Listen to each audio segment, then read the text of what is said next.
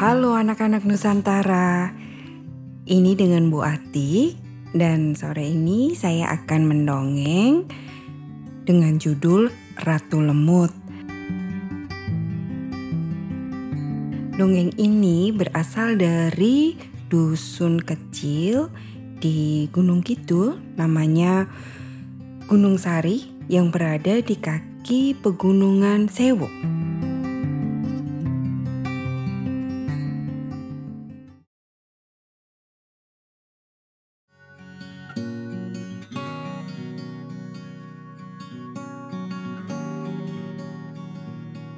Pada zaman dahulu, di dusun Gunung Sari yang tadinya aman, tentram, damai, tiba-tiba berubah menjadi suasana yang menakutkan.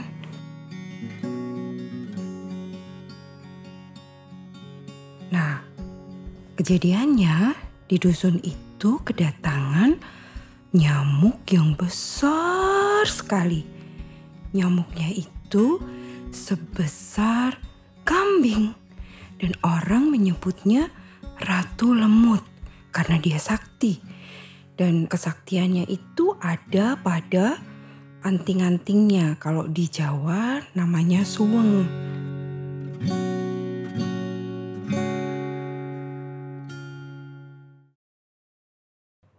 Tiap malam Ratu Lemut itu datang mencari makan ke dusun Gunung Sari. Dia menggigit kambing, kadang sapi, dan paginya warga menjadi heboh karena semakin hari semakin banyak kambing-kambing yang mati dimakan Ratu Lemut. Waduh, gimana ini? Kata petani-petani. Bahaya ini semuanya bisa habis kita punya ternak nanti. Dan bisa-bisa kita yang digigit kalau ternaknya habis. Wah, kita harus lakukan sesuatu.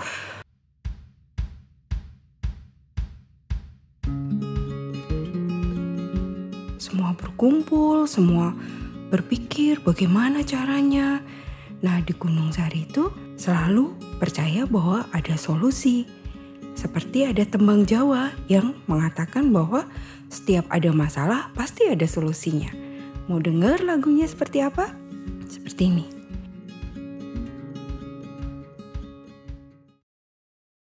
Eh, ratune teko, eh gelarno kloso, eh klosone beda, eh tambalen jada, eh jadahe mambu, eh pakakno asu, eh asune mati, eh no kali, eh kaline banjir, eh telehan pinggir.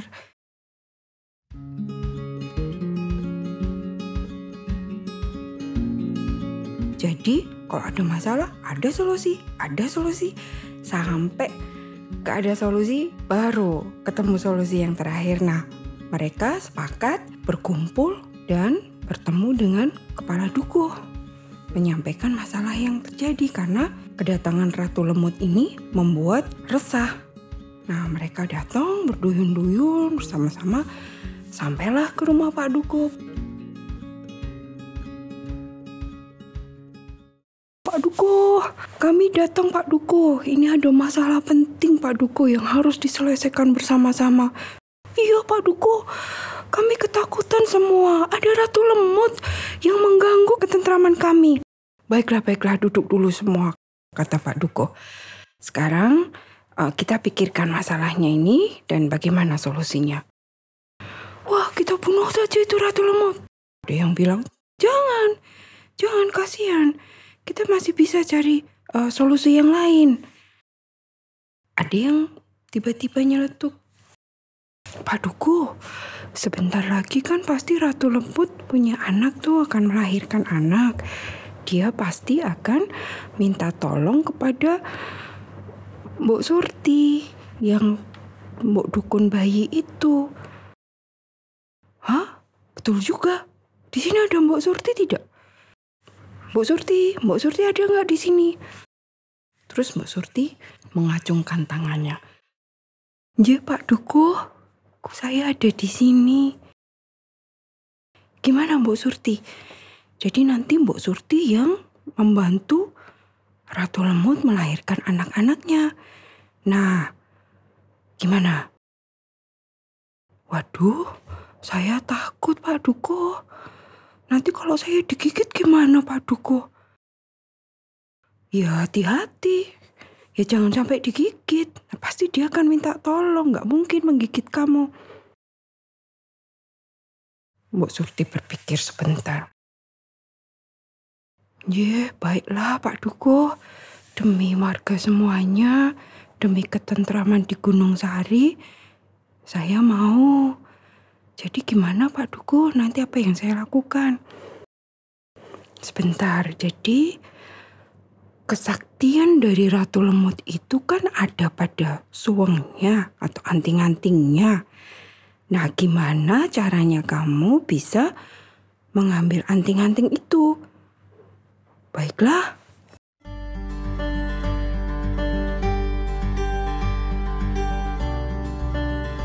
Wah, warga semua senang sekali. Hati-hati ya, Mbok Surti, hati-hati ya. Jangan sampai digigit.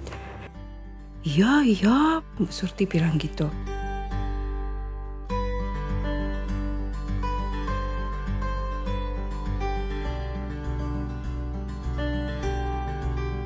Nah, hari yang ditunggu-tunggu sudah datang. Sore menjelang maghrib gitu ya, Ratu Lemut datang ke rumah Mbok Surti. Mbok Surti, ini aku Ratu Lemut. Oh ya, ada apa? Ini aku mau melahirkan anak-anakku. Oh ya, sini sini, tak bantu, kata Mbok Surti. Aku tak menyiapkan tempat dulu buat anak-anakmu.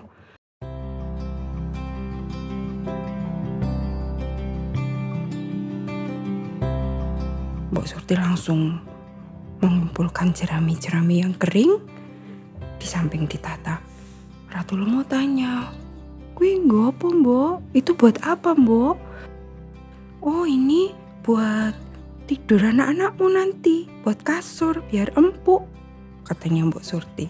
Terus Mbok Surti bilang, "Ah, Ratu Lemut, kalau kamu melahirkan nanti, aku harus menyimpan suwengmu dulu supaya semuanya lancar.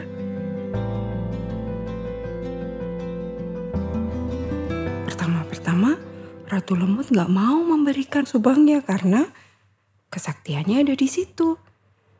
Tapi setelah berpikir-pikir bahwa dia sangat menyayangi anak-anaknya, dia memberikan anting-anting itu pada Mbok Surti. Dia copot yang satu, terus yang satunya dia berikan. Ini Mbok, aku titip. Ya, sini aku simpen. Sekarang Ratu Lemut tunggu di sini sampai nanti anakmu lahir. Aku tak siap-siap mau masak air panas dulu. Tapi Mbok Surti pinter.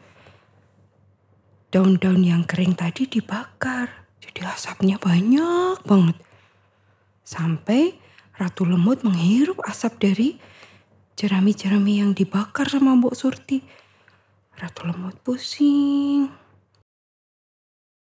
Kok aku jadi pusing ya, Mbok? Ini bawa apa, Mbok? Ratu Lemut jadi lemah, lemah, lemah dan karena dia sudah tidak sakti lagi, anting-antingnya itu diambil Mbok Surti, Ratu Lemut berubah menjadi semakin kecil, semakin kecil, kecil, kecil, kecil, kecil. Jadi kecil seperti nyamuk yang sekarang kita lihat. Kemudian dia melahirkan anak-anaknya yang juga kecil-kecil sekali. Terus Ratu Lemut ingat. Wih, aku masih punya subang. Aku harus jadi besar lagi. Aku tidak sakti lagi. Badanku jadi kecil sekali.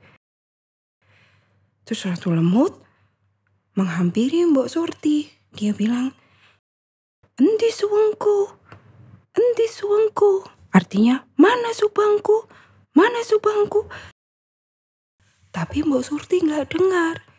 Karena Ratu Lemut jadi kecil sekali. Di telinga Mbok Surti Cuman terdengar weng, weng. Ratu lemut, aduh gimana ini? Bu Surti nggak mengerti. Aku akan minta tolong anak-anakku.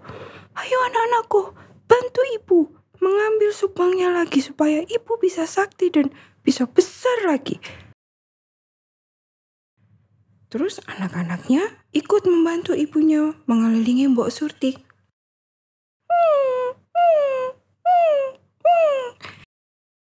Wah, apa ini? Apa ini?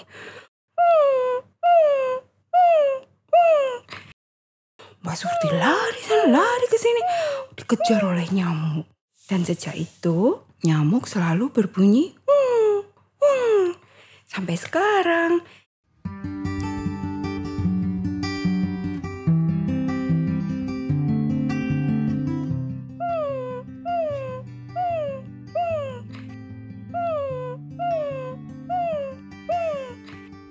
Itu tandanya kalau kita ada nyamuk di sekitar kita, dia sedang mencari subangnya Ibu Ratu Lemut.